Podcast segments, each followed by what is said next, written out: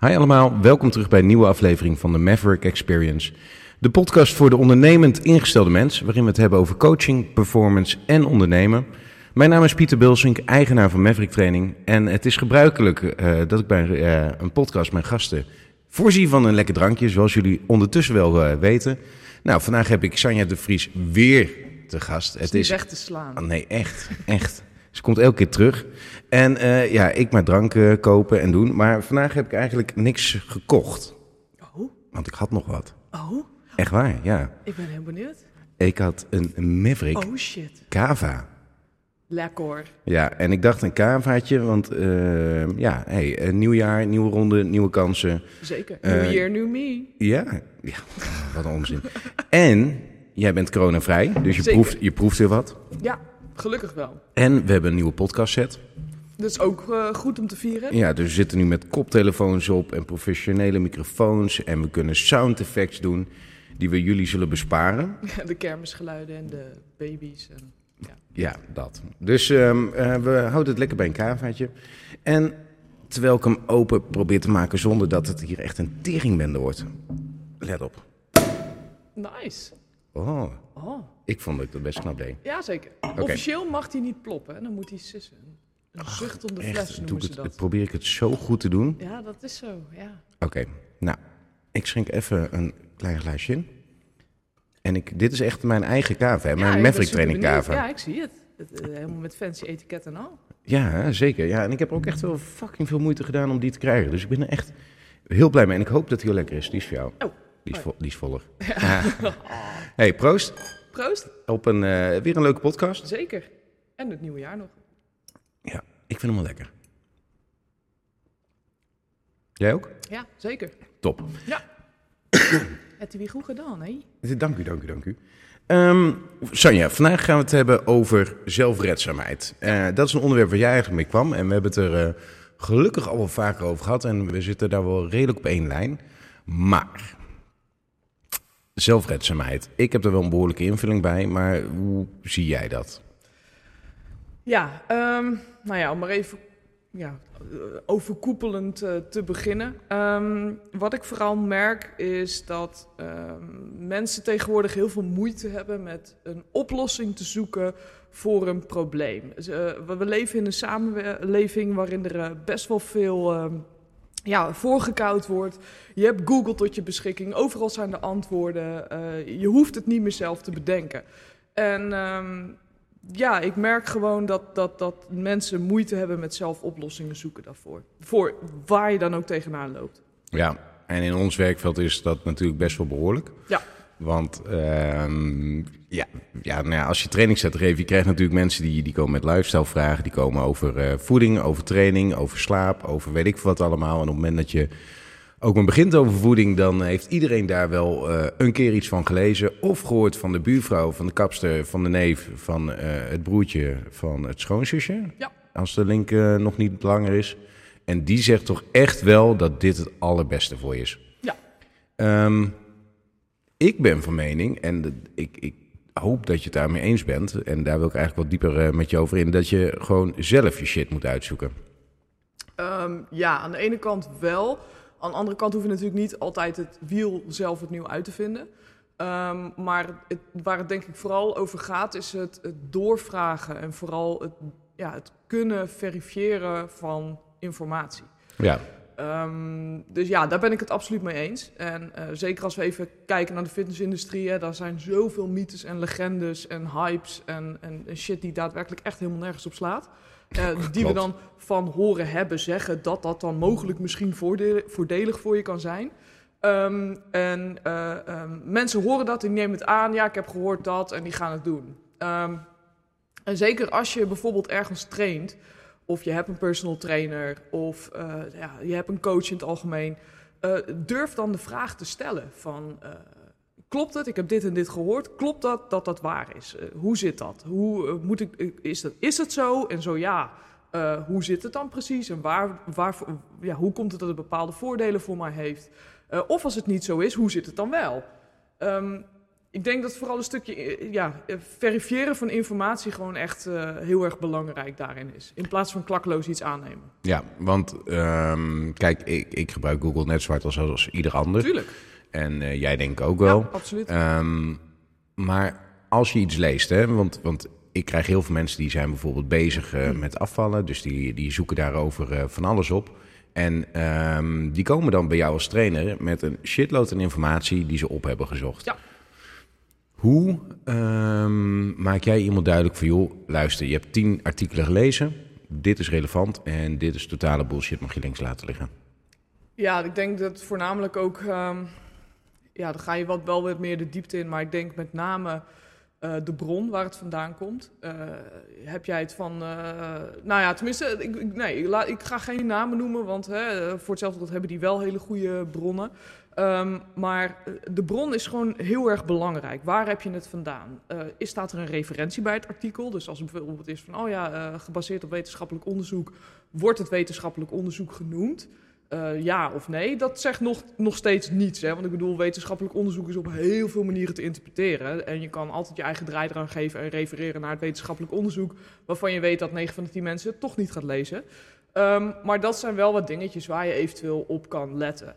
Um, betekent niet dat elk wetenschappelijk onderzoek ook meteen waardevol is en klopt en onder de juiste omstandigheden is uitgevoerd. Dus, nee, eens. er zit zoveel ruis op de lijn. Um, en uh, um, ja, het, het, is gewoon wat ik, ik denk dat wij ook in het dagelijks leven gewoon heel erg veel bezig zijn met, met uh, dingen die we lezen, nieuwe onderzoeken die eruit komen van klopt het? Klopt het? En ik denk dat het vooral heel erg belangrijk is om heel veel te blijven praten met andere mensen. Dus uh, even van ons als coach zijnde gezien, blijf vakinhoudelijk overleggen met andere coaches. Uh, wat ja. zijn jouw bevindingen? Uh, ja, wat, wat is jouw visie daarover? Um, um, zodat wij ook onze uh, cliënten beter kunnen helpen daarin. Ja. En voor de cliënt zou ik vooral zeggen, stel veel vragen aan je coach. Want daarvoor is hij jouw coach. Ga niet zelf, uh, als er wordt gezegd... ja, maar als je uh, groene algen op je oogbal smeert, dan val je af. ga dat niet meteen aannemen en denken van... oh ja, dat, dat heb ik gehoord, dus dat zal wel goed zijn. En ja. iedereen doet dat, dus dan zal het wel goed zijn. Um, ja. Nee, het, overleg, stel vragen aan je coach. Ja, want um, kijk, dat, dat is natuurlijk de eerste. Hè? Eigenlijk informatie inwinnen en informatie verifiëren. Tweede is natuurlijk, als ik um, als cliënt zijnde de vraag stel aan een trainer... Dan kan een trainer meerdere ja, uh, type antwoorden geven. Hij kan natuurlijk gewoon uitleggen. Zo werkt het. Hè? Je, je, je vraagt, dit is je antwoord. Op deze manier kunnen we dat uh, in de praktijk brengen. Um, je kunt natuurlijk de methodieken geven, maar je kunt ook natuurlijk heel diep ingaan op van nee, dat is onzin en we doen ze zo. Over voeding bijvoorbeeld. Iedereen heeft het over intermittent vasten, iedereen heeft het over uh, wel of niet paleo, keto dieet, dat soort dingen. Ja. Um, mijn voorkeur heeft het juist om te gaan vertellen van... hey, joh, ik ga je niet aan de handje meenemen. Het is niet zo dat ik je een uh, dagminuutje geef bijvoorbeeld. Nee. Ik wil dat je leert om het zelf te doen en ja. zelf te gaan ontdekken. Um, nou ja, fijn. Je zegt ja, dus dan, dan zitten we ja, op één lijn. Ja, ja, top. Maar um, hoe kun jij daarin uh, de juiste dingen aanreiken aan iemand om nou ja, hè, te zorgen dat hij de methodiek begrijpt en die ook kan uitvoeren? Ja, nou ik denk dat dat daarin heel erg belangrijk is. En je noemde het net al de methodiek. Je hebt principes en je hebt methodes. Uh, als we bijvoorbeeld even heel simpel gaan kijken naar afvallen. Het, het principe, het basisprincipe van afvallen is een calorietekort. Ja. Heb je een calorietekort, dan val je af. Wet van thermodynamica. Exact. Ja. Daar, dat is gewoon pure natuurkunde, daar kun je niet over discussiëren. um, maar uh, je hebt heel veel methodes die, daarvoor kunnen, die daartoe kunnen leiden. Ja. Voor de een is dat intermittent fasting, voor de ander is dat keto, voor de ander is dat uh, het McDonald's-dieet. Ik roep maar wat, weet je. Oh, lekker. Het, oh, lekker. Um, um, um, dus het maakt niet zoveel uit hoe je, welke methode je gebruikt als het leidt tot een energietekort waardoor je gaat afvallen. Ja. Uh, tuurlijk, aan elke methode zitten voor- en nadelen, maar dat is aan de persoon zelf. Als jij, um, om het maar even zomaar te zeggen, super slecht bent in ontbijten. Jij wordt om 18 uur ochtends wakker, maar je hebt echt totaal geen honger tot een uur of 12. Ja, wie de fuck ben ik dan om te zeggen, je moet om 8 uur ochtends ontbijten? Ja. Uh, stel het lekker uit tot het moment dat jij wel een beetje trek krijgt, rond een uur of 12. En dat noemen we dan met een fancy woord intermittent fasting. Maar het principe is gewoon, je stelt het eetmoment uit totdat jij honger krijgt. Iemand Ja. anders die wordt bokzagrijnig als hij niet om 8 uur 's ochtends eet. Ja, waarom zou ik dan tegen diegene zo zeggen, nee, je moet tot 12 uur 's middags wachten totdat je wat gaat eten. Dat slaat nergens op. En ik denk vooral, eh, wat heel belangrijk is, als je goed over weet te brengen eh, welke principes er schuilgaan achter een methode, dat je al wat veel meer duidelijkheid kan verschaffen. Want Ja. heel veel van de onduidelijkheden, mythes en legendes zijn gebaseerd op methodes. Van ja, eh, keto gaat me helpen met afvallen, maar intermittent fasting niet. Weet je, of paleo gaat me helpen, maar eh, eh, weet ik veel wat, noem een ander die is, Sonja Bakker weer niet. Nee, dat maakt niet uit. Ehm, ehm, en en eh, ik denk dat het voor ons als coaches heel belangrijk is om daarin wat duidelijkheid te verschaffen. Ja, want eh, ik, ik heb eh, een aantal jaren geleden heb ik hier een blog geschreven over ehm wheat belly, broodbuik. Ja. William Davis. En wat mij daarin opviel, want ik, ik vind het altijd fijn hè, om soms gewoon zijn boek te kopen, door te lezen en gewoon echt proberen te begrijpen waar de, de schrijver naartoe gaat. Ja. In dit geval was het eh, een stofje in gluten, gliadine. En dat zorgde ervoor, nou dat was ongeveer het kwaad van de wereld. Als je dat te veel binnenkreeg, ging je dood. Ja, ja. en werd je dik en kon je niet afvallen en alles was kut. Ja. Daarvoor, hè, om dan geen gliadine te krijgen, moet je bepaalde voedingsstoffen gaan eh, ontwijken. Mocht je niet het dotje nemen.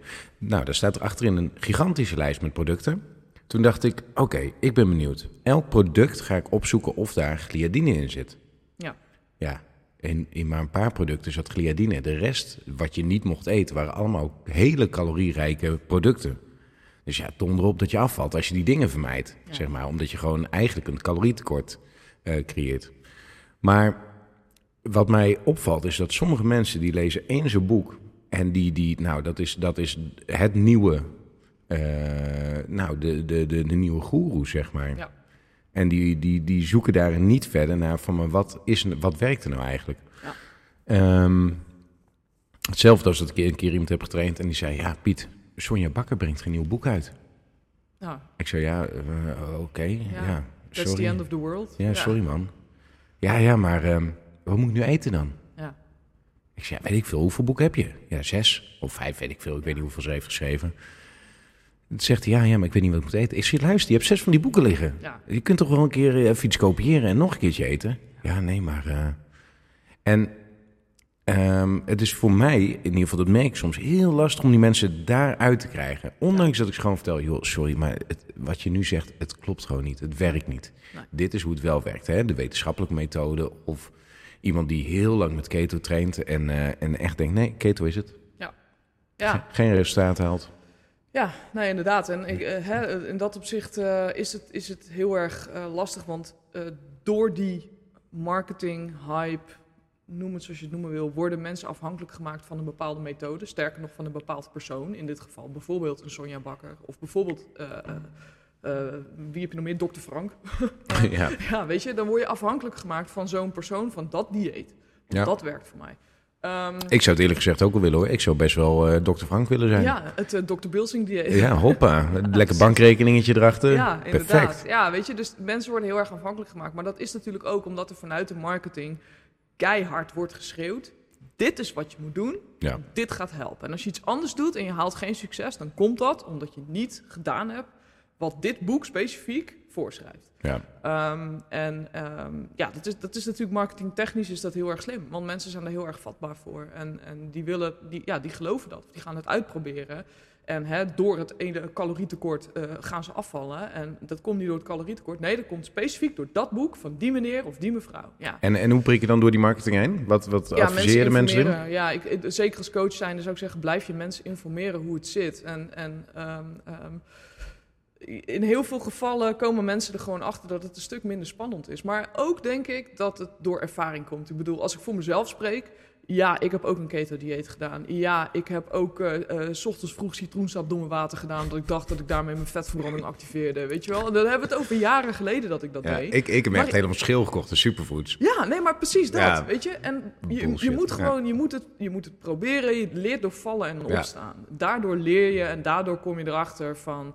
ja, oké, het werkt, maar waarom werkt het? En, eh, of het werkt niet, en waarom werkt het niet? Weet je, ik, heb, ik ben serieus, in mijn keto ben ik gewoon niks afgevallen. Waarom niet? Want ik douwde me helemaal gezicht vol met avocado en eieren. Ja, weet je, ik bedoel, eh, het zijn allemaal hartstikke gezonde producten, maar wel calorierijk. Kijk, eh, dus die hele keto heeft voor mij geen fuck gedaan. En dat is prima, dat maakt ook helemaal niet uit. Uh, maar dat moet je ervaren, zo, zodat je daar je conclusies uit kan trekken. Ja. Maar dat betekent niet dat het hele keto-dieet fout is. Of dat betekent niet dat, dat er niks deugt aan intermittent fasting. Maar het gaat erom, past het bij je? Ehm, Nou, kijk, ten opzichte van voeding, want ik wil zo meteen nog met je over zelf, zelfredzaamheid eh, even een ja, andere... gaan, we gaan een beetje off-topic. Ja, voeding, nou ja, maar voeding is natuurlijk altijd leuk om daar... Vo- Ja, en, en ik, ik vind met name voeding kun je heel zelfredzaam in zijn, omdat je het ook eigenlijk zelf moet doen. Ja. En, en wij als coaches kunnen je daar een handvat aanbieden, maar ik kan niet 24 uur naast staan om alles eh, wat jij in je hand eh, hebt uit je hand te slaan, zeg Nee. maar. Precies. Of elke keer op het moment dat jij iets vreet wat niet op je schema staat, je een klap in je nek te geven. Nee. Maar, ehm, nou ben ik eigenlijk mijn punt kwijt wat ik wilde maken, wat ik Ja. wilde zeggen. Ah, ik, denk, Ehm, ik denk dat voeding wel een stukje moeilijker is daarin, omdat eh, er zo, de- het is best wel ingewikkeld voeding. En, en daarom denk ik dat, dat heel veel mensen zo'n baat hebben bij een coach. En ik bedoel, ik heb mensen die, die coach ik pas en die, die, die denken echt van holy shit, dus, eh, oh zit het zo, weet je. En ik heb mensen die, die ik al twee, drie jaar coach en die kunnen het eigenlijk volledig zelfstandig. Omdat ze in die twee, drie jaar lang zoveel handvatten aangereikt hebben gekregen. Dat ze nu eigenlijk een beetje weten van, oh ja. Maar eerlijk gezegd ben ik het niet helemaal met je eens dat voeding moeilijk is. Ja. Ik, ik, ik, denk, ik denk dat voeding niet moeilijk is. Ik denk dat het gedrag moeilijk is, het uitvoeren. Ja. Ehm, want kijk, ik bedoel, eh, een voedingsschemaatje, je kunt er zo diep op ingaan als je wil. Je kunt kilocalorieën, macronutriënten, micronutriënten, je, je timing van je voeding, dat soort dingen allemaal. Maar waar het gros verkeerd gaat, is dat ze eh, eh, te veel eten en in de verkeerde verhouding. Ja. Dan hoef je niet dieper te duiken. Nee. Maar wel het uitvoeren ervan, ja, dat, dat vinden mensen heel lastig. En eerlijk gezegd, ik ook. Hè. Ik zit ook alweer eh, een, een, een week lang dat ik denk, oh ja, nee, ik zou geen colaatje nemen. Nee, nee, nee, nee, nee Ja. geen colaatje. En dan naar de winkel gaan en thuiskomen met een colaatje. Dan denk ik, oh ja, nee, dat zou ik echt niet doen. Maar ik drink hem nu wel lekker op. Ja, lekker. Ja, dat. Maar dat, ehm, nee, ja, dat, dat, ik, ik vind dat eh, met name, of merk ik dat mensen dat heel lastig vinden. Ja, zeker. Maar ik denk dat het ook deels komt, en waar we het al eerder over hadden, over die onwetendheid. Ehm, eh, want er zijn heel veel mensen die eten niet per se, eh, tussen aanhalingstekens altijd even, hè, verkeerd. Nee. Dus die eten, eten gewoon een AVG'tje, aardappel, vlees en groentes. En die doen dat eigenlijk gewoon prima. Alleen wat je bijvoorbeeld ziet, is dat ze gedurende de dag gewoon echt 0,0 aan eiwitten eten. En Ja. dat is niet omdat ze het niet lekker vinden, maar ze denken er gewoon niet bij na. Omdat dat En weet ook vaak niet waar, waar het in zit. Nee, precies. Dus, dus wat dat betreft moet je mensen echt, ja, echt eh, bij de hand even meenemen en helemaal uitleggen waar, wat belangrijk is, waarom het belangrijk is. Eh, eh, hè? Ja, want over het algemeen, dat, daar kom ik wel achter. hè. Ik vraag mensen altijd vaak om, ehm, als ze beginnen met voeding, gewoon even een week lang hun voeding bij te houden. Wat eet je, hoeveel eet je, wanneer eet je. En ook over het algemeen kom ik erachter dat heel veel mensen gewoon veel te weinig eiwit eten. Ja. Echt extreem weinig. En dat, dat is niet zozeer dat mensen dat eh, niet doen, maar wij zijn gewoon echt wat dat betreft Nederlanders. Ja, En wij eten wat er. eh, eh, in de winter is het koud, dus dan eet je veel aardappels en vlees, veel calorieën. Omdat je normaal gesproken, hè, nu niet meer in onze mooie verwarmde huizen, maar eh, een vetlaagje nodig hebt. ja, zeker, tuurlijk. Dat is absoluut zo.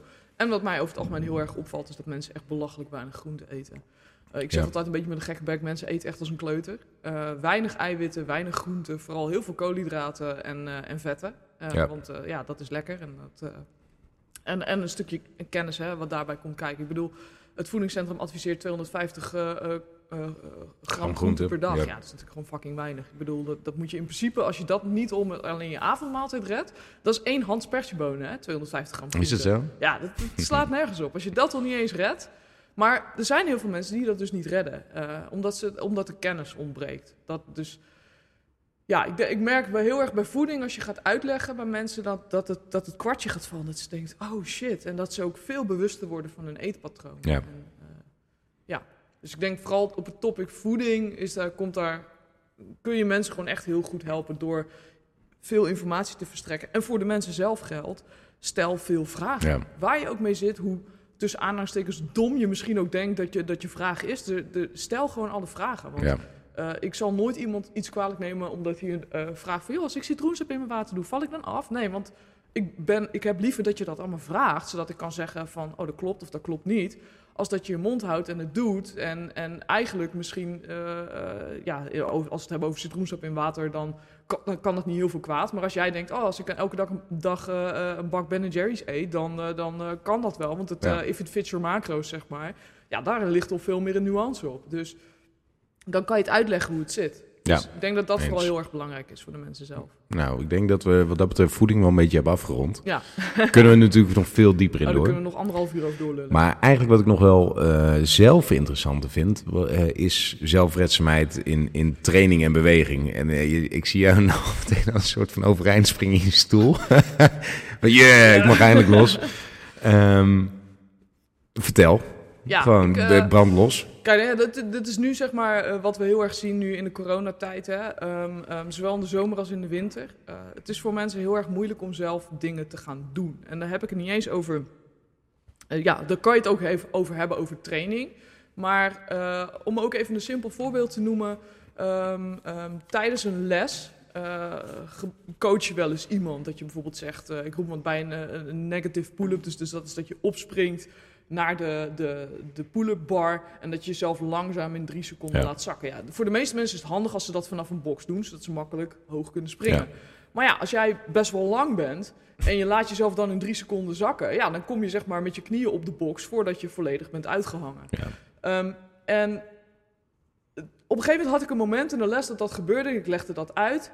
En diegene die, uh, die liet zich uithangen en die, die, ja, die kwam dus eerder met zijn knieën op de box dan dat hij volledig aan zijn armen aan de bar hing. En die keek me echt zo aan van ja, nou ja, nu kom ik dus met mijn knieën als eerste op de box. Ja. En ik dacht echt, ja gast, wat zou jij nu kunnen veranderen aan deze situatie, zodat jij niet met je knieën als eerste op de box kwam? En dat was voor mij echt even een moment dat ik denk van, hè, maar nu ga je mij aankijken zo van, ja, maar jouw uitleg als coach, die klopt niet. Terwijl ik denk van, ja, maar je loopt nu tegen een probleem aan wat relatief makkelijk op te lossen is. Ja, en, en wat je zelf op kunt lossen. En wat je zelf op kunt lossen, Ja. waar je mij niet voor nodig hebt. ja. En ik ben daar toen, eh, dat was meer een trigger hoor. Ik ben daar toen eens op gaan letten van hoe gaan mensen om met problemen oplossen. En het valt me eigenlijk gewoon echt op dat, dat heel veel mensen daar gewoon ontzettend slecht in zijn. Die lopen tegen een bepaalde situatie aan. Eh, er gebeurt iets en ze klappen dicht. En ze wachten eigenlijk totdat iemand anders of het voor ze oplost, of komt vertellen hoe zij het moeten gaan oplossen. En ehm, eh, ja, dat, dat was ineens een soort besef wat ik had. Ik denk, holy shit, hoe, hoezo zijn we niet meer in staat om daar zelf een oplossing voor te zoeken? Om zelf de situatie te analyseren. En eh, eh, om even een concreet voorbeeld te geven, je hebt een klapband op de A2. Wat ga je doen? Ga je naast je auto staan om te kijken eh, van nou ja, ik hoop dat die band zichzelf misschien weer vult. Of dat iemand anders gaat stoppen en mijn band even gaat repareren. Of besluit je van oké, ik heb dit nog nooit gedaan, maar ik ga gewoon kijken eh, wat ik moet doen. Ik pak, eh, pak mijn krik erbij, ik pak mijn reserveband erbij. En ik ga kijken of ik, of ik die band kan vervangen. Ehm, en, en over het algemeen blijven mensen gewoon, die, die klappen gewoon dicht. Die weten gewoon even niet meer wat ze moeten doen. Nee. En ja, ik, ik vind dat wel apart. Want ik, ik ken jou eh, nog niet extreem lang. En ik vind jou altijd wel... ehm, nou ja, ik ervaar je wel als hard voor jezelf. Maar ook wel redelijk realistisch. Je, je, je, we hebben het de vorige keer over eh, opnieuw opstarten. En dat je zegt van, nou ja, weet je, rustig aan beginnen. Gewoon je bek houden en dingen gaan doen. Dat, eh, die uitspraak die gaat, ja, die gaat al wel aardig rond. Ehm, maar wat is nou dat, dat jij dit wel ziet en wel kunt doen... maar dat andere mensen het eh, lastig vinden? Laten we het gewoon lastig vinden noemen. Ehm, ik denk dat dat me, wellicht misschien uit een stukje opvoeding komt. Eh, mijn ouders zijn altijd, heel, of nog steeds zo geweest van luister, jij wil iets en daar willen we je bij helpen. Maar één, je moet het vragen. En twee, als jij iets wil, dan moet je zorgen dat jij dat waar kan maken. Ehm, en als kind zijn had ik best wel een beetje moeite met die insteek. Ik dacht, ja, eh, oneerlijk, pruilen, stampvoeten, je kent het wel. Ehm, maar Ja, nu... eh, stamvoet heb ik nooit gedaan. nee, pruilen wel. Ja, dat, eh, dat was meer mijn ding. Ja, Ja. precies. Ehm, en nu realiseer ik me heel goed dat het juist eh, heel erg goed is geweest voor mijn ontwikkeling Ja. om dingen op te gaan lossen. Dat mijn ouders ook wel eens zeiden. Dat ik zei, ja, en weet ik wat, het heeft gesneeuwd en de bus rijdt niet. En hoe kom ik nou naar het station? Dat mijn ouders ook zeiden van, nou, wat, wat zijn nu je opties? Wat zou je nu kunnen doen? De bus rijdt niet. je, je wil wel naar het station. Wat is nu een optie? Ja, ik kan, eh, ik kan, eh, ik kan niet eh, fietsen. Nee, dat klopt. Dus wat ga je dan doen? Ja, kunnen jullie me misschien brengen? Ja, tuurlijk. Maar je moet wel even zelf de klik Ja. maken. In plaats van dat er altijd wordt gezegd van... ja, nou, oh ja, oh, je, je dreigt te vallen. Oh, nou, we vangen je wel op en we zorgen vooral dat je je niet bezeert. Nee, het gaat even om, om het verder denken. En zeg ik, mijn, en ik heb echt wel voorbeelden van mijn ouders... waar ik ook wat dacht van, oh, dat is zo oneerlijk. Waarbij ik nu denk, zo, dat is echt een, een, goede, een goede les voor mij geweest. Zoals? Eh, nou, e- een van de dingen die me nog steeds bijstaat, en dat was echt jaren geleden. Toen had ik, ik ben altijd een soort Dagobert Duck geweest. Ik spaar altijd heel graag, zodat ik iets moois kon kopen voor mezelf. Ehm, en eh, wat ik had gedaan, ik wilde de allereerste PlayStation kopen. En Ja. ik had echt, dat was toen nog bij de Free Record Shop. Hij was toen in de aanbieding. Ik weet, ik weet de exacte bedragen, weet ik niet meer hoor. Maar volgens mij was het iets van eh 290 euro of 190 Gulden, weet denk ik. Oh, je gulden, ja. gulden toen nog, ja. Inderdaad. En ehm, ik had hard gespaard en ik ging met mijn ouders naar Amsterdam. En de- mijn ouders zeiden al van, eh, weet je zeker dat je genoeg geld hebt? Ja, ja, ik weet het zeker, want hij is in de aanbieding, dus dan red ik het net. Ja, ja. Nou, je voelt hem al aankomen. Wat gebeurde er? Ik stond met mijn ouders bij de Free Record Shop en hij was dus niet meer in de aanbieding. Maar ik had gelukkig mijn hele spaarpot meegenomen. Maar wat bleek nou? Ik kwam één gulden tekort. Eén gulden op een, op een PlayStation van ja, 200 euro, misschien 2 of 300 euro. Of gulden, ik weet Ja. het niet meer precies. Maar in ieder geval, voor mijn doen, een hele hoop geld. Eén gulden kwam ik tekort. Dus ik keek ja, een beetje zo hoopvol mijn ouders aan in die Free Record Shop. En die zeiden van ja, we hebben het nog aan je gevraagd. Heb je genoeg geld? Ja, ja, maar ja, ik dacht dat hij nog in de actie was. Ja, dat is heel vervelend, maar dan kun je hem niet kopen, want je hebt niet genoeg geld. En dat, dat lijkt heel erg hard, maar wat ik er wel van geleerd heb is... A, je moet je zaakjes goed voor elkaar hebben, dus doe je onderzoek. Als iets eh, eh, het 190 of 290 gulden kost, kost dat het ook echt nog op de dag dat ik het wil gaan kopen. ja. En dat je inderdaad genoeg geld bij je hebt om het te kunnen kopen. En op dat moment was ik natuurlijk eh, des duivels. Dacht ik, oh, oneerlijk. Toen waren we die later die middag nog op eh, visite bij mijn tante. Die woont in Amsterdam. En eh, die hoorde dat verhaal. En die wilde eigenlijk al meteen de portemonnee pakken van acht arme kind. En dat mijn, eh, dat mijn ouders ook echt zeiden van... Nee, nee, nee, nee, dat gaan we niet doen. Zo, ze krijgt, volgende week krijgt ze weer zakgeld. En dan kan ze hem wel kopen. Ja. Ja, op dat moment was het, het... Het lijkt heel hard, maar je leert er heel erg veel van. En dat is iets wat me nog altijd is bijgebleven. Fix je shit en doe je onderzoek. Ja, ja, ja. En dus dat, dat vond ik... eh, En dat, dat, dat, dat, dat zijn dingen die me gewoon nog steeds zijn bijgebleven. En ehm, ja, verder, verder in mijn leven ook wel... eh, bijvoorbeeld een, een mooie reis gemaakt door eh, Zweden en Noorwegen. Oh, met je mooi. rugzakje op. Ja. Eh, ja, dan, dan kom je ook echt situaties tegen waarin je denkt... Oh, ik heb het echt fucking hard verkloot. Wat, Ja. ga- hoe ga ik dit oplossen? Wat ga ik nu doen? Eh, eh, en, en, en daar word je heel erg inventief van. En je haalt er heel veel voldoening uit, omdat je er toch achter komt dat je elke keer in een situatie iets kan doen. ja. Ja, Ja, nee, ja, eens. Ja, maar wel, wel grappig dat, dat dus eh, dat al zo vroeg een beetje bij je ingebouwd is. Maar dat je daar dus nou ja, eigenlijk nog wel zo lekker op gaat. En buiten dat ook wel mensen een soort van op aanspreekt. Dat ze dat zelf ook moeten ontwikkelen. ja zeker, absoluut. En ja, wat dat betreft zou ik ook tegen mensen zeggen van... Hè, ga, ga, ga maar eens een keer op je bek met iets. Weet je, dat, dat is alleen maar heel erg goed voor je. En, en ga dingen ontdekken, ga fouten maken. Want van fouten maken leer je het allermeest. En, en maar ja, met je handen omhoog staan van shit, ik weet niet wat ik moet doen. eh, kun je me kijken? Hè, nogmaals, eh, om hulp vragen is ook natuurlijk altijd een optie. Ehm, maar een soort in zoals van die geitjes, van die geitjes als ze, als ze schrikken, dan bevriezen ze helemaal, dan doen ze niks meer. ja, je weet wat ik bedoel. Nou, Ja, maar sommige ik mensen vind het wel mooi. Je hebt soms van die voorbeelden over een geitje. En op het moment dat je begint, dan denk ik al, oké, waar gaan we heen? Oké, een geitje. Ja, Ja, van die geitjes die schrikken en dan verstijven ze en dan kunnen ze helemaal niks meer. Ja. Weet je wel, sterker nog, soms vallen ze er gewoon om. Omdat ze zo hard schrikken. Nou, sommige mensen die hebben een beetje dat geitjesreflex. Die, die, die komen in de situatie en die verstijven helemaal. En die kunnen helemaal niks meer. En ja, die wachten dan eigenlijk totdat er iemand naar ze toe komt om ze weer ja, een beetje op te starten of zo. Weet je, dat... eh, ja. ehm, ehm, en, de geitjesreflex. ja, het geitjesreflex. ik, ik denk dat dit een nieuwe, eh, een nieuwe term wordt. Ja, ja dat. Ja, Ehm, nou, maar weet je wat ik... eh, ik hè, op het moment dat jij zegt van nou, op je bek gaan... Ik, ik, ik heb daar altijd wel... ehm, ik, ik ga ook vaak op mijn bek, gelukkig. En een van de dingen die ik als, als voorbeeld vaak aanhoud... is eigenlijk mijn opa. En mijn opa, dat is... Nou, die is overleden, jammer genoeg. Maar echt een mijn grote held. Ja. Wijs, maar altijd zonder oordeel. En eh, die kwam altijd op vrijdag kwam die even de krant te ruilen. Want dan hadden wij een krant thuis en hun hadden ook krant en dan kwam die ruilen. Nou, 9 van de 10 keer dan kwam die eh, thuis met een krant waar ik dan ook in stond. Omdat ik eh, had gescoord met waterpolen of een interviewtje had of zo. En dat werd dan even, even nog laten zien. Nou, prima.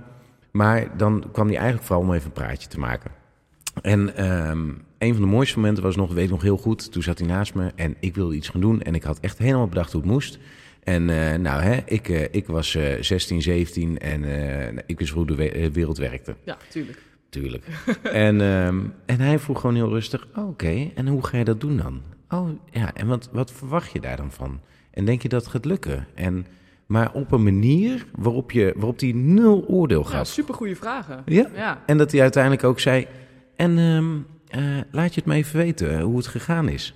Ja, Terwijl super. ik achteraf dacht: Ja, eh, je weet al lang dat dit ging mislukken. En Ja. dan kwam ik ook terug en dan zei ik: Ja, ja hij vroeg hiernaar. Hoe is het gegaan? En dan zei ik: Ja, niet zo goed. en dan zei hij ook niet: Nou ja, dat dacht ik al. Nee. Maar dan zei hij gewoon, en waar ging het mis dan? En hoe had je dat dan anders kunnen doen? Ja. En eh, nou, dat vind ik zo knap. en dat, dat dat probeer ik nu ook altijd wel een beetje in ere te houden. Dus en we begonnen over voeding. Daar, daarin komt dat altijd heel erg naar voren. Gewoon soms een fout maken en gewoon denken, ja, fuck it, dit, eh, dit ging niet zo lekker. Ja. Laten we het eh, beter doen. En niet eh, op vrijdag denken, oh, fuck it. Nou, dan gaan we maandag opnieuw starten. Maar gewoon... 1 januari. Ja, 1 januari. Oh nee, 1 januari valt op een vrijdag. Nou, dan, dan maandag 4 Dan januari. maandag, Ja. Nee, maar wel op die manier. En ik vind het dat wel knap. En dat, dat is ook wel een stukje zelfredzaamheid. Dus Zeker. gewoon op je bek gaan. Dingen. Maar dat is ook omdat jij die mogelijkheid kreeg. Ja. Als jouw opa bijvoorbeeld had gezegd van... Nou Pieter, dat zou ik niet doen. Eh, ik zou het zo en zo doen. Ja. En jou eigenlijk al de ervaring ontneemt om zelf te experimenteren. Want ik denk dat het experiment ontzettend belangrijk is. En ik denk dat dat iets is Eens. wat wij bijna nooit meer doen. Of wat eigenlijk zelfs een beetje verdwenen is. Ehm, en als jou, jouw opa dat niet had, eh, had gezegd, of, of had gezegd van nou, ik zou het zo of zo doen, of nee joh, doe maar niet. eh, of als het achteraf mis was gegaan, ja, zie je nou wel. eh, Ja. Dat jij misschien dacht van nou, hè, als jij het allemaal zo goed weet, waarom heb je het me dan niet verteld? Dus daarin is inderdaad ook de mogelijkheid om fouten te maken, om zelf te experimenteren, om het mee te maken, is gewoon ontzettend belangrijk. Ja, En, en ik denk dat dat hè, bij, bij eh, heel veel ouders van nu, eh, dat, dat er al eigenlijk ingegrepen wordt voordat het experiment heeft kunnen plaatsvinden. Ja. Want we weten van tevoren, oh, maar dit gaat niet slagen, dus we grijpen in. ja, Ehm, en ik denk dat heel veel mensen, want het is natuurlijk ook een stukje oncomfortabelheid. Hè? Kan het ook, hè? ondanks als we het even loskoppelen van ouders en kinderen. ja. Als je puur kijkt naar jezelf. Een experiment, eh, in, in de breedste zin van het woord, kan ook gewoon rete spannend zijn. En dat je weet, van, Ja. ja, ik weet niet of dit gaat lukken. Het zij met het opzetten van een onderneming, het zij met, met een, een nieuw trainingsschema, het zij met eh, het zoeken van nieuw werk. eh, waar je het ook over hebt, je weet niet van tevoren of het wel of niet gaat lukken. En, en je weegt de voor's en de tegens tegen elkaar af. Maar er kan altijd onder, onderweg iets gebeuren waarvan je denkt van, oh shit, hier had ik geen rekening mee gehouden. Ja. En hoe ga je het dan oplossen? En ehm, dat is gewoon, denk ik, ontzettend belangrijk. En ik denk dat dat, dat dat een heel groot voordeel is, wat bijvoorbeeld heel veel ondernemers wel hebben. Is, ze zijn, ze, ze, komen, ze zijn er allemaal gekomen met vallen en opstaan. Ja. Niemand start een onderneming en het is van begin tot eind allemaal Hosanna en, eh en roze sch- geur en maneschijn. Nee, de- sterker nog, heel veel ondernemers die gaan ontiegelijk vaak op hun, op hun, op hun smuigeltje. ja ik, ik steek even mijn hand op. Ja, niemand nee, niemand maar ziet ja, het, maar je, eh, ja, eens. En daarvan leer je, dus je doet het de volgende keer anders. En, en eh, of niet. En dan, Ja. nee, maar Ja. weet je dat. Nee, ehm, maar eh, want, want eh, kijk, jij, jij hebt dat met je ouders gehad. Ik heb het ook thuis gehad en ook met mijn opa en oma. Nou, in ieder geval genoeg voorbeelden. Ehm, maar stel je hebt nou mensen die met, met alle liefde van de wereld best wel beschermend zijn opgevoed. Ja. En daarin ook, nou ja, hopelijk een heel gelukkig leven hebben. Maar die wel zeggen van, hé, hey, ik, ik, ik zou wel eens een keer gewoon echt goed uit op mijn bek willen gaan, maar daarvan willen leren. Ja. Waar begin je? En dan, en, en dan liever een ietsjes anders antwoord dan gewoon ja doen. Ja, precies. Want, Want ik, bedoel, weet, eh, ja, Zeker een onderneming, dan kan je honderd keer zeggen, ah, je moet het gewoon doen. Maar als dat inhoudt Ja. dat jij eh, drie ton in de schuld staat en eh, je leven nooit meer normaal iets kan Ja. kopen, ja, dat, dat, dat slaat natuurlijk nergens op. Ehm, nou ja, om even terug te koppelen hè, naar mezelf. die, bijvoorbeeld die reis die ik gemaakt heb door, door Zweden en Noorwegen. Dat is een onwijs laagdrempelig iets. Ik bedoel, hè, we zitten binnen de veilige contraien van Europa. Uh, het is niet dat je, dat je uh, van honger komt te sterven. Uh, je zit best wel in een redelijk veilige context, maar toch kan je het avontuur een beetje opzoeken. Ik denk dat dat gewoon een hele goede manier is om die eerste stap eens te zetten. Kom uit je comfortzone. Ga een keer een vuurtje stoken. ga een berg op. ga eens een keer een vijfdaagse wandelreis maken. Het zij met of zonder begeleiding, hè, maar Zoek het avontuur op. Ja, zoek het avontuur op. Ga jezelf eens, eh, daag jezelf uit. En, en, en niet zo van, hè, van, uh, dan bedoel ik niet een busreis die van begin tot eind helemaal georganiseerd is. En uh, hè, je, je, hoeft nog net zelf je, je veters niet te strikken. Nee, nee ga bijvoorbeeld, hoe, hoe mijn reis namelijk in elkaar zat, was je had zeg maar overnachtingen op, op campingen en noem maar op. Ja. Maar je moest zelf gewoon van, van punt naar punt komen. En dat was gewoon een heel, heel leuke, hele leuke ja, reis. Tof ja, ik heb daar ook gewoon een, een keer een knetterharde fout gemaakt door uh, met een groepje te gaan hiken. Oh, leuk hiken. Oh ja, nou ja, hè, uh, voedsel mee, water mee, kaart mee. We waren echt wel goed voorbereid. Alleen waar we niet goed naar gekeken hadden, en dat was een kleine slordigheid, is dat het een one-way hike was. Dus je kon alleen maar die hike één kant op doen. Ja. En dan of moest je van dat punt weer naar een ander punt. Of je moest een bergkam omlopen. Dat was een lus van 100 kilometer. ja, daar hadden we even niet op gelet. Um, en eigenlijk hadden we het eerste steile stuk, of het eerste stuk van die hike was dusdanig steil. Dat we eigenlijk helemaal niet aan het nadenken waren en oh, lekker klimmen. Echt op handen en voeten naar boven. En toen waren we boven en toen was het echt zo'n moment van: Oh, we hebben het gehaald. Ja, ja, ja. Ja, maar kut. Hier, dit, dit, ditzelfde stuk kunnen we niet achteruit naar beneden dat, dat was gewoon echt oprecht geen doen. Het was wel echt een one-way hike. Ja, dat hadden we kunnen doen, maar dan kom je met het dilemma van wat voor gevaar levert het je op. En we waren met een best wel diverse groep.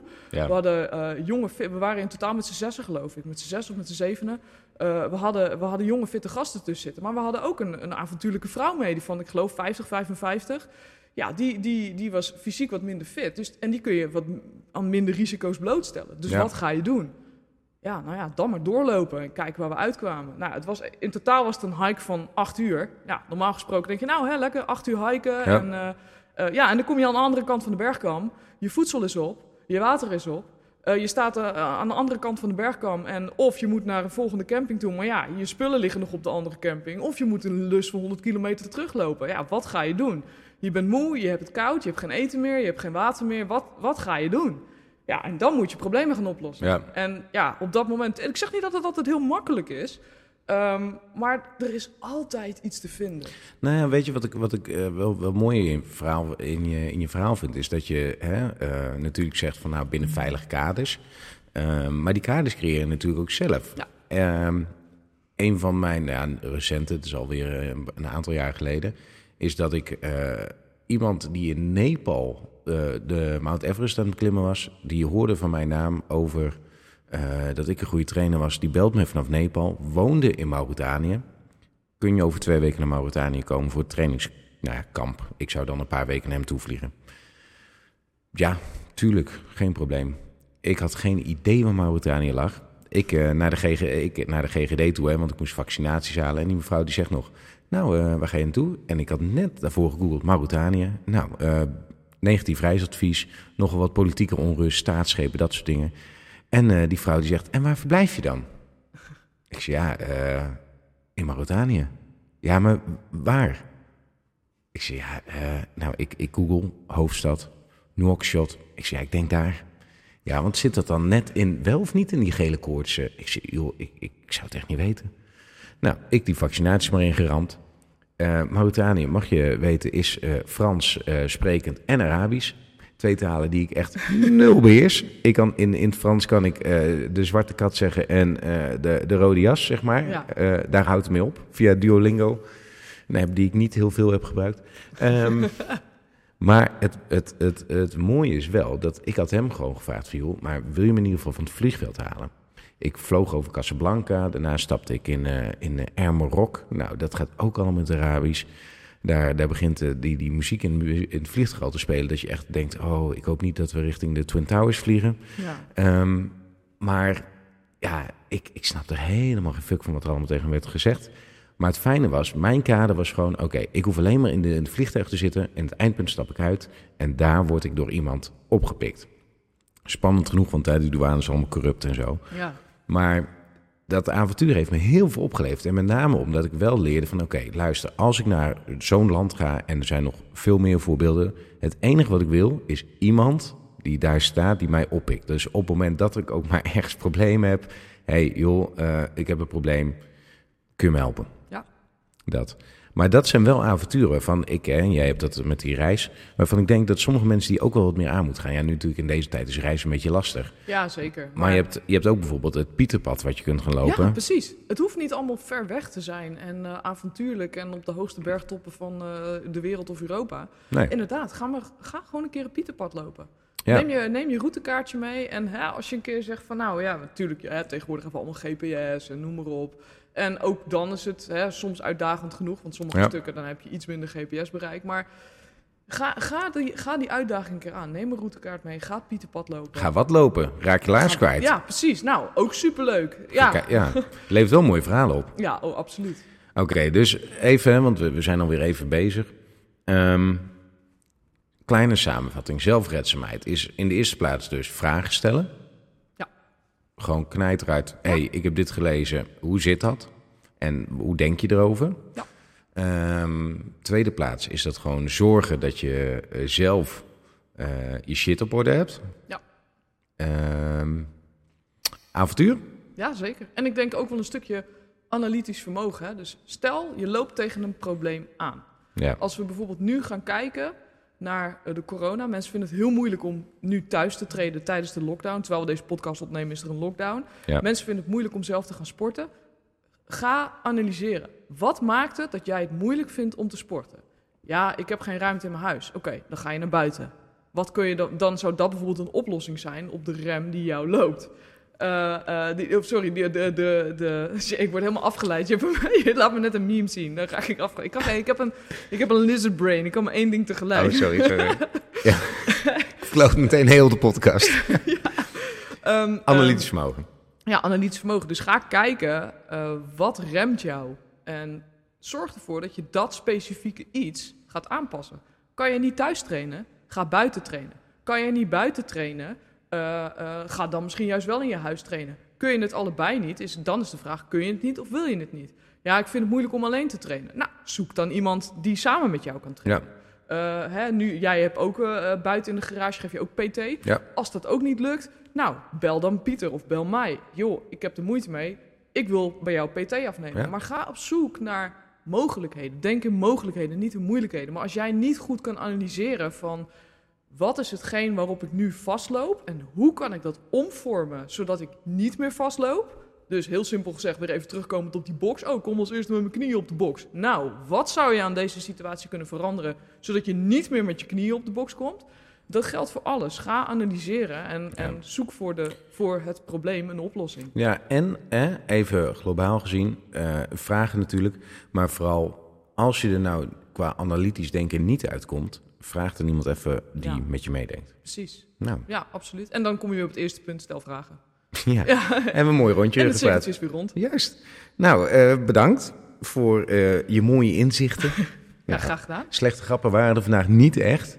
Ja, het Eh, dat was wel een beetje leuk. Ja, Ja, het is geen grap. Het was zo'n heel leuke... Ik, ik hoop dat je zo meteen, want we gaan nog eentje opnemen, een, een, toch wel wat, wat slechte grappen tussendoor eh duwt. Dus ik zal zo meteen de kaver nog even bijvullen. Ja, ja, inderdaad. Ehm, nou, dankjewel voor nu. Eh, wil je nou nog meer luisteren over coaching, over performance eh, of ondernemen? Blijf dan de Maverick Trainer volgen op Instagram, LinkedIn en Facebook. Je kunt ook lekker door de podcast heen eh, scrollen. Elke twee weken dan verschijnt er een nieuwe aflevering van de Maverick Experience. Dat is heel vaak met Sanja. heel vaak. Ik Maar- mezelf op. Juist. maar we hebben ook nog heel veel andere gasten en nog heel veel leuke gasten op de lijst. Dus eh, je kunt echt eh, genoeg luisteren, leren en ehm, vooral ook vragen stellen. Zoek onze interactie op en dan eh, gaan we je helpen. Dankjewel en ik spreek je snel.